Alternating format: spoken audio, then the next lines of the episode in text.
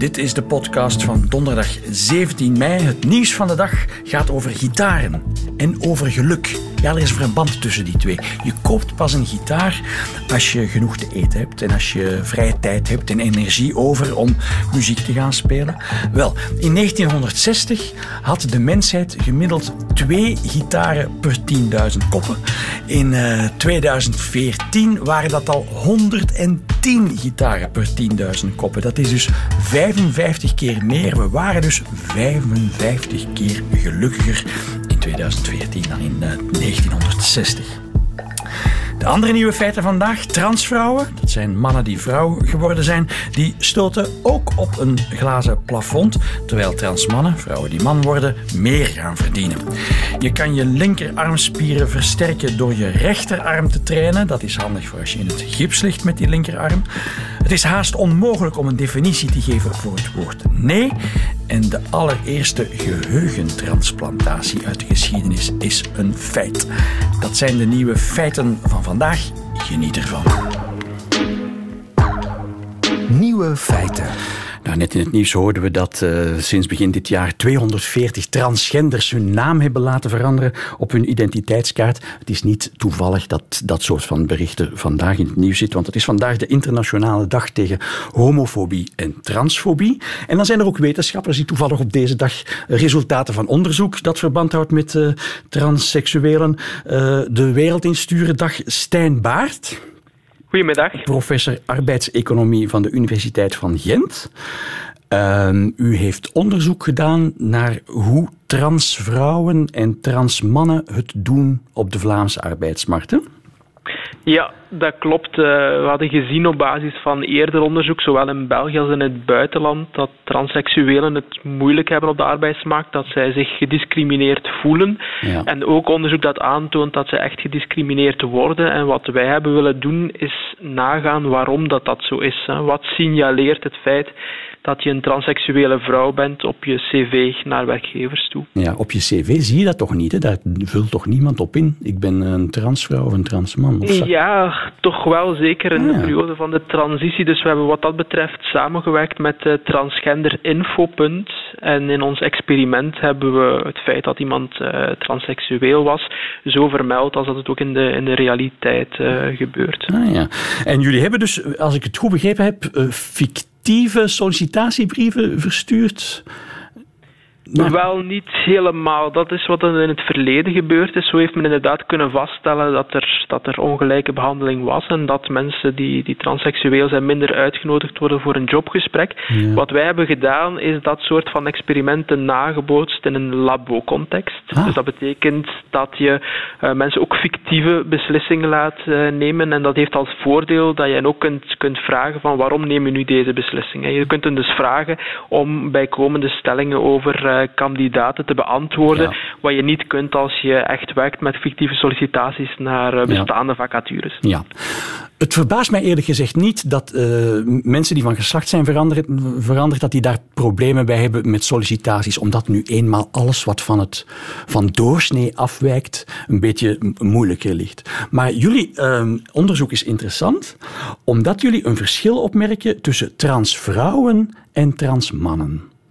Wel, het is eerder zo dat het eerdere onderzoek dat verschil heeft aangetoond, en namelijk dat die, die discriminatie dat die, dat die groter is ten opzichte van uh, transseksuele vrouwen dan van transseksuele mannen. Ja. En wij hebben dan verder gegaan op die transseksuele uh, vrouwen en gekeken waarom uh, zij minder vaak uitgenodigd worden voor een, voor een jobgesprek. Maar wat je zegt klopt zeker. Dus men, men vindt in onderzoek dat het vooral de transseksuele vrouwen zijn die drempels ervaren bij het, bij het solliciteren. Ja, ook mannen onder, ondervinden die drempels, maar vrouwen meer. Ja, dat klopt. En, en dat hangt een beetje samen met, met de algemene uh, genderdiscriminatie. Ja. Dus uh, transseksuele vrouwen zijn uh, ja, vrouwen die geboren zijn als man. En die mm -hmm. dus een transitie doorgaan naar, naar, het, naar het vrouwelijke geslacht. Mm -hmm transseksuele mannen, dat is dan het omgekeerde. Dus die, die, uh, die laten een, een mannelijke identiteit overeenstemmen met, met ook het uiterlijke. En dus die hebben een zeker voordeel omdat zij als man dan op de arbeidsmarkt terecht Ja, ja, ja, het is een, een, een bijkomend effect van die geslachtsverandering is dat je plots geconfronteerd wordt. Als je man was en je wordt vrouw, word je plots mhm. met dat glazen plafond geconfronteerd. Ja, Inderdaad, dus dat is, dat is de vermoedelijke verklaring voor het feit dat het voor transseksuele vrouwen extra moeilijk is. En een vrouw die uh, een man wordt, die, uh, dat, is een, ja, dat is een manier om door dat glazen plafond te breken. Ja, ja. Nederlands onderzoek wijst wat dat betreft eh, uit dat uh, transseksuele mannen dat die zelfs meer gaan verdienen dan, dan voorheen. maar goed, ja, ja, ja, ja. En wat zijn dan zo, heeft u onderzocht ja, wat de vooroordelen eventueel zijn tegenover transvrouwen dan specifiek? Ja. Dat klopt, hè. dus uh, daar zijn we specifiek naar gaan kijken en dan hebben we een aantal gunstige dingen gevonden, namelijk dat zij uh, gepercipieerd worden in vergelijking met cisseksuele vrouwen, dus vrouwen die, die geen transgender zijn, nee. als zijnde meer uh, autonoom, meer assertief uh, ook. Maar daar staat dan tegenover dat zij ook uh, worden gepercipieerd als minder gezond. En dat is natuurlijk ah, ja. heel belangrijk naar je productiviteit toe. En ja. dat zorgde er ook wel voor in ons experiment dat zij lagere aanwervingskansen hadden. Ja, maar zullen we toch eens eerst even kijken naar dat positieve effect? Dus een transvrouw daar neemt men van aan, ja, die, die heeft een, een ongelooflijk belangrijke beslissing genomen in haar leven. Dat, dat zegt iets over het karakter van die vrouw. Iets positiefs over het karakter van die vrouw. Ja, absoluut. Dus we zijn natuurlijk daar, daar niet in de diepte op doorgegaan. En we zien dat zij inderdaad worden gepercipieerd als, als autonomer, assertiever. Maar vermoedelijk is daar inderdaad uh, achterliggend. Zij hebben uh, ja, zware beslissingen genomen, durven nemen ook. En dat uh, ja, zendt dan een signaal uit van, van autonomie, maar waarom, waarom denkt men dat ze minder gezond zijn dan cisvrouwen?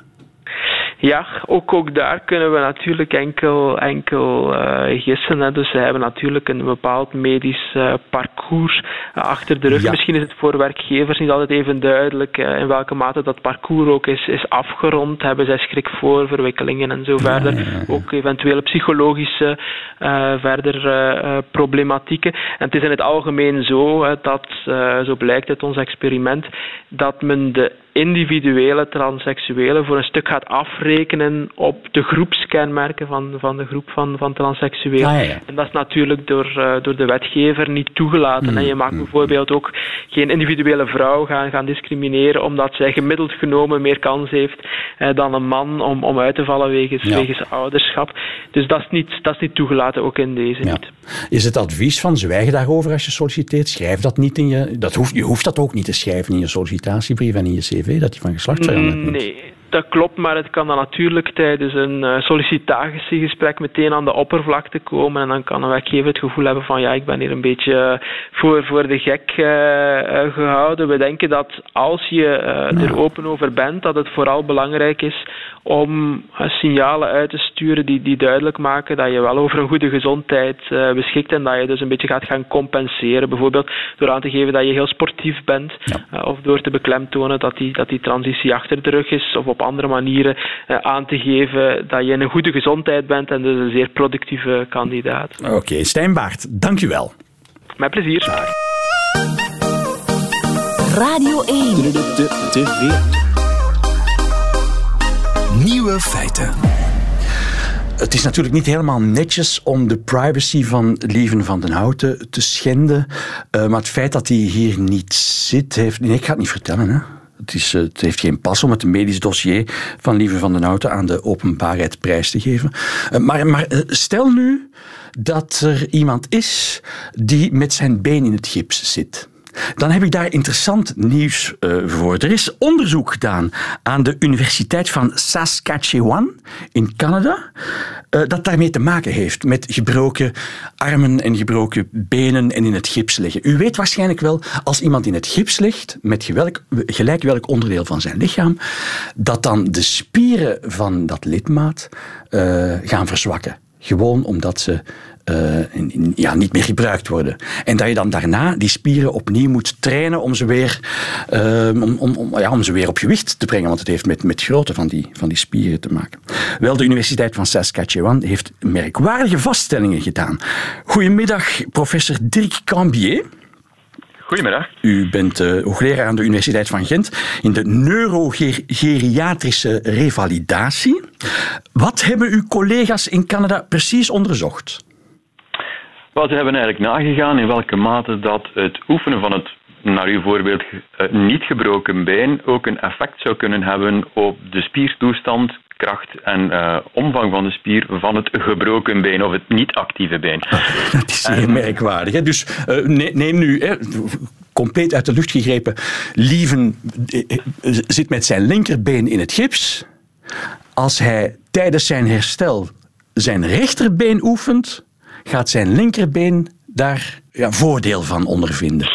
Dit is inderdaad het geval. Um, dat is ja, dat is inderdaad behoorlijk raar. Nu, het is niet op zich zo nieuw. Hè. De eerste maal dat dit gemeld is geworden, spreken we van voor de eeuwovergang. En ik oh. spreek van de 19e, 20e eeuw. Oh. Dus, eind, dus meer dan 100 jaar geleden.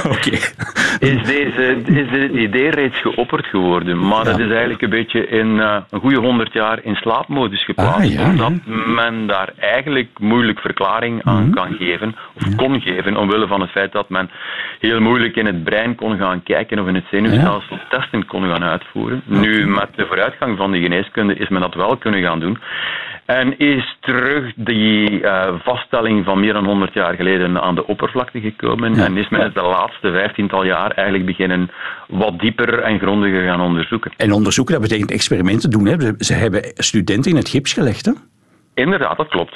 Uh, dat is natuurlijk een randgegeven dat het gaat over gezonde personen uh, die in het gips geplaatst worden. Mm. Dus er is geen echte specifieke aanleiding geweest die toch de zaken nog iets uh, ernstiger en moeilijker kunnen maken. Dus daar moeten we wel rekenschap van geven dat in geval van patiënten waar een breuk aanwezig is, waar pijn aanwezig is, dat dat misschien iets minder ah. efficiënt of effectief zou kunnen zijn dan bij gezonde individuen. Maar het kan een bijdrage leveren, dat staat vast. Is er ook al een idee over hoe dat kan, dat je spieren zonder ze te trainen toch kunt op niveau houden?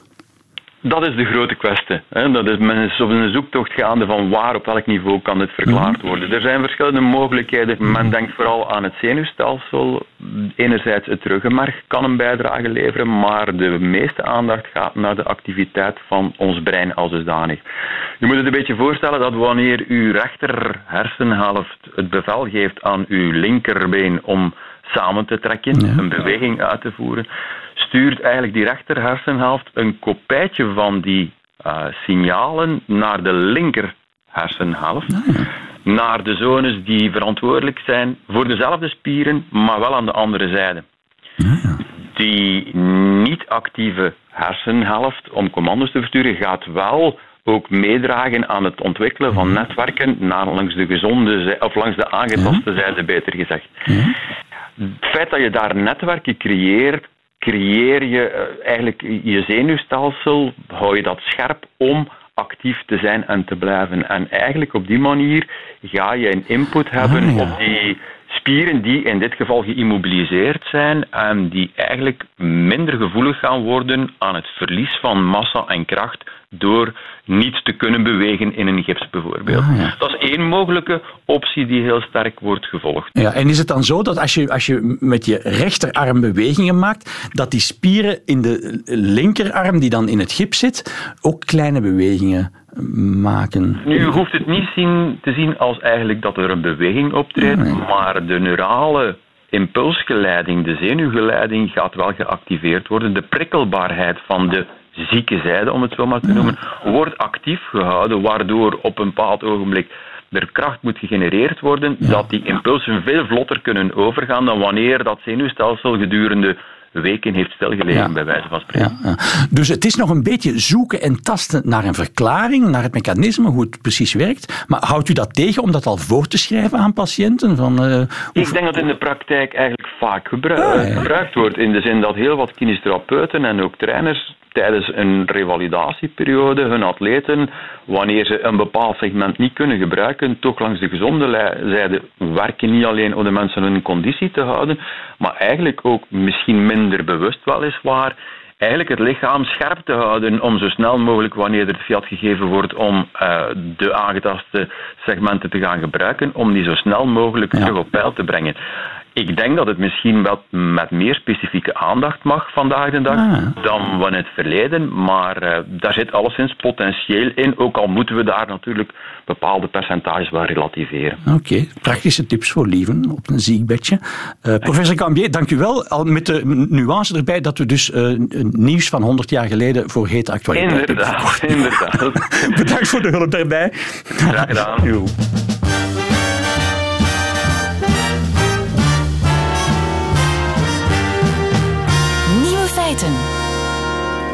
Ik heb al over veel dingen mensen geïnterviewd in de 30 jaar dat ik hier werk en interviews maken. Maar ik vind het een beetje raar. Ik ga nu een interview maken over het woordje nee. Dag Ton van der Woude. Goedemiddag. U bent een neoloog, zoiets. Ik ben taalkundige en ik houd me ook bezig met het woordje nee. Ja, fantastisch. U bent redacteur van de Algemene Nederlandse Spraakkunst, uh, kortweg de, de ANS. Dat is de, dat is de officiële grammatica van de Nederlandse taal. En als ik het goed begrijp, wordt die om de zoveel jaar herschreven en bent u daar nu mee bezig? Hè? Zo is het. De eerste druk is van 1985 en de tweede druk is van 1997. Ja. Dus bijna twintig jaar later is het wel weer tijd voor een herziening. Ja? Is, er, eh, de, de taal verandert en er wordt nieuw onderzoek naar gedaan, dus we weten meer en dat mag wel. De grammatica, van, de grammatica van het Nederlands verandert op twintig jaar tijd? Klein, heel, heel kleine stukjes, langzaam maar zeker. Alle talen veranderen. We spreken ook geen Nederlands meer. Nee, het is waar, het is waar, het is waar. En u schrijft dus het artikel in de ANS over het woordje nee, ja, iets ruimer misschien over de, de ontkenning. Ik, uh, ja, de, het hoofdstuk over ontkenning was uh, wel aan revisie toe. Ja. En uh, mensen zeiden tegen mij, waarom staat er niets in over nee? Ah, in de vorige stond helemaal niks over het woordje nee. Eén zinnetje, geloof ik. En nu worden dat drie zinnen. Zoiets. Ah, nee, nee, nee, nee, nee, Dan zou ik u niet bellen. maar het verbaast mij eerlijk gezegd wel dat er, dat er heel wat te vertellen valt over dat woordje nee. Dat, dat volgens mij gewoon nee betekent en je gebruikt het om te ontkennen. Klaar. Um, dat is. Dat zo kun je het zeggen. Um, er, uh, je kunt, maar wat kun je zo ontkennen? Je kunt een vraag ontkennen. Ja. Uh, gaat het morgen regenen? Nee. Je kunt een bevel ontkennen. Doe het raam open. Nee, dat doe ik niet. Um, je kunt een bevestigend antwoord. Uh, je kunt een negatieve vraag met nee beantwoorden. Heb je geen pijn? Dan kan ik zeggen nee, ik heb inderdaad geen pijn. Oeh ja, maar dan wordt het ingewikkeld. Want dan wordt het ingewikkeld. Ja, maar je kan op die vraag ook ja antwoorden. Ik heb geen zeker, pijn. Zeker, Ja, ja, ja. ja. Oeh, ja dan wordt het echt ingewikkeld. Ja, dan raak je niet uit, denk ik. Ja, nee. Dus, um, en um, vaak uh, uh, moet je dan is het beter als je als spreker dat je ook nee uh, wat aanvult met van nee, ik heb inderdaad geen pijn of nee, ik heb wel pijn. Uh, en bovendien is het uh, nee alleen maar in een aantal situaties onbeleefd. Is dat zo? Dat, um, als u mij vraagt, weet u hoe laat het is? En ik zeg nee. Ja, ja, ja. dan kan dat wel conform de realiteit zijn. Dat, dat, is dan misschien wel waar, maar beleefd is het niet. Ja, ja. Dus je dus kan... Moet ik zeggen van, dan zeg ik, moet ik zeggen van nee, ik heb geen horloge bij me. Of nee, ik heb nu geen tijd of wat dan ook. Maar of, uh, uh, de, zo gaan we niet met elkaar om. We zeggen heel vaak in allerlei situaties het is nee alleen niet genoeg. Nee. En dan moet u... Ja, ik zou ook zijn nee. Terwijl het ja moet zijn, want u zegt... Ik bevestigde eigenlijk wat, wat u zei, maar u zei iets negatiefs, dus bevestig ik door nee te zeggen. Wat is dit ingewikkeld? Ja, het is ingewikkeld. En ik heb, ook, ik heb nu een stukje over geschreven in, in tijdschrift Onze Taal. Het is vorige week of zo verschenen. Ja. En ik heb er een pagina aan gewijd. En er valt nog wel meer over te zeggen. Maar we, uh, ja, we weten nog niet alles. En de ruimte was beperkt. Ja. En, en, er zijn zoveel mooie dingen in de taal die moeten besproken worden. Maar de, de, de, functie, de functionaliteit van zo'n grammatica is toch dat anderstaligen daarmee uh, kunnen begrijpen wat, hoe, hoe, ze, hoe ze Nederlands moeten spreken. Uh, dat is een van de functies. Um, dit, dit, uh, het boek wordt ook gebruikt door mensen in Nederland en Vlaanderen, moedertaalsprekers die onzeker zijn, onzeker gemaakt door het onderwijs of onzeker om een andere reden. Ja. Denk van, hoe moet ik, wat moet ik nou zeggen? Moet ik nou groter als of groter dan? Wat was het ook alweer? Ja. Laat eens even kijken. Um, maar ook inderdaad de, de, de tweede taalsprekers, de vreemde taalsprekers in, in Nederland en buitenland, die uh, uh, kunnen hier bij ons te raden of via een docenten. Uh, want het is, wel, het is wel een moeilijk boek hoor. Ja. taal is ook ingewikkeld. Ja, want wat u daarnet nu vertelde hè, over, over het feit dat een nee bot kan zijn en kortaf en dat je daar wat, wat, wat woorden moet aan toevoegen om het, om het vriendelijk en beleefd te laten klinken.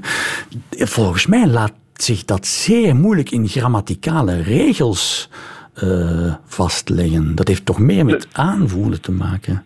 Dat is, dat is ook zo. Um, uh, we, we, kunnen dus ook alleen maar dat soort dingen oppervlakkig bes, bes, beschrijven. Zeggen van waarschuwen, van kijk uit, alleen maar nee is onvoldoende. Ja. Of kan verkeerd overkomen. Ja. en wat je in welke situatie precies het beste doet, en dan, eh, of welke variatie je hebt per situatie, dat, weet, dat, is, dat is onontgonnen terrein. Ja, ja, ja. Zeg meneer Van der Woude, weet u dat men in Vlaanderen, in bepaalde streken in Vlaanderen, niet alleen nee zegt, maar ook neenik. En, fijn, we hebben het over West-Vlaanderen en ik meet mij nu een West-Vlaams accent aan dat, dat ik het eigenlijk niet heb. Maar neenik, en, en, het hangt er een beetje vanaf wie die nee uitspreekt, dan komt daar een letter aan hangen. Ik eh, weet het. Ehm, daar is wel literatuur over bekend. Eh, en eh, ik, ken, ehm, ik ken een liedje van Zeg Kwezeker wilde gij dansen? Ik zou nog even een ei. En wel, nee, ik zei dat kwezelke. Dat is een nee, nee, ja, ja, ja, ja. Ja, ja, ja. ja, mhm. ja, Maar, dat... Ehm, maar dat is, dit is zo dialectisch dat dat niet in de ans komt. Ah, nee. Omdat de ANS beoogt de, de standaardtaal te beschrijven. Okay, maar En dus een, een ander argument waarom nee nog zo onvol, zo weinig in de ANS staat, is dat het toch vooral een spreektaal is. Ah, een spreektaalwoordje is. En de ANS is toch vooral een schrijftaal. Ah, ja, ja. In de spreektaal gebruik je het voortdurend, in de schrijftaal iets minder. Ja, in ieder geval veel minder. Als we onze, onze, grote tekstbestanden kijken, dan is er een enorm verschil. Ja. Wanneer is de ANS, nieuwe versie van de ANS klaar? Uh, dat kan nog wel even duren. We hebben geld tot het eind van het jaar en dan is hij niet af. Maar dan is het wel weer een stuk af. U hoort van het is weer een geldkwestie. Oké, okay, Tom van der Woude, dankjewel. Graag gedaan. Succes.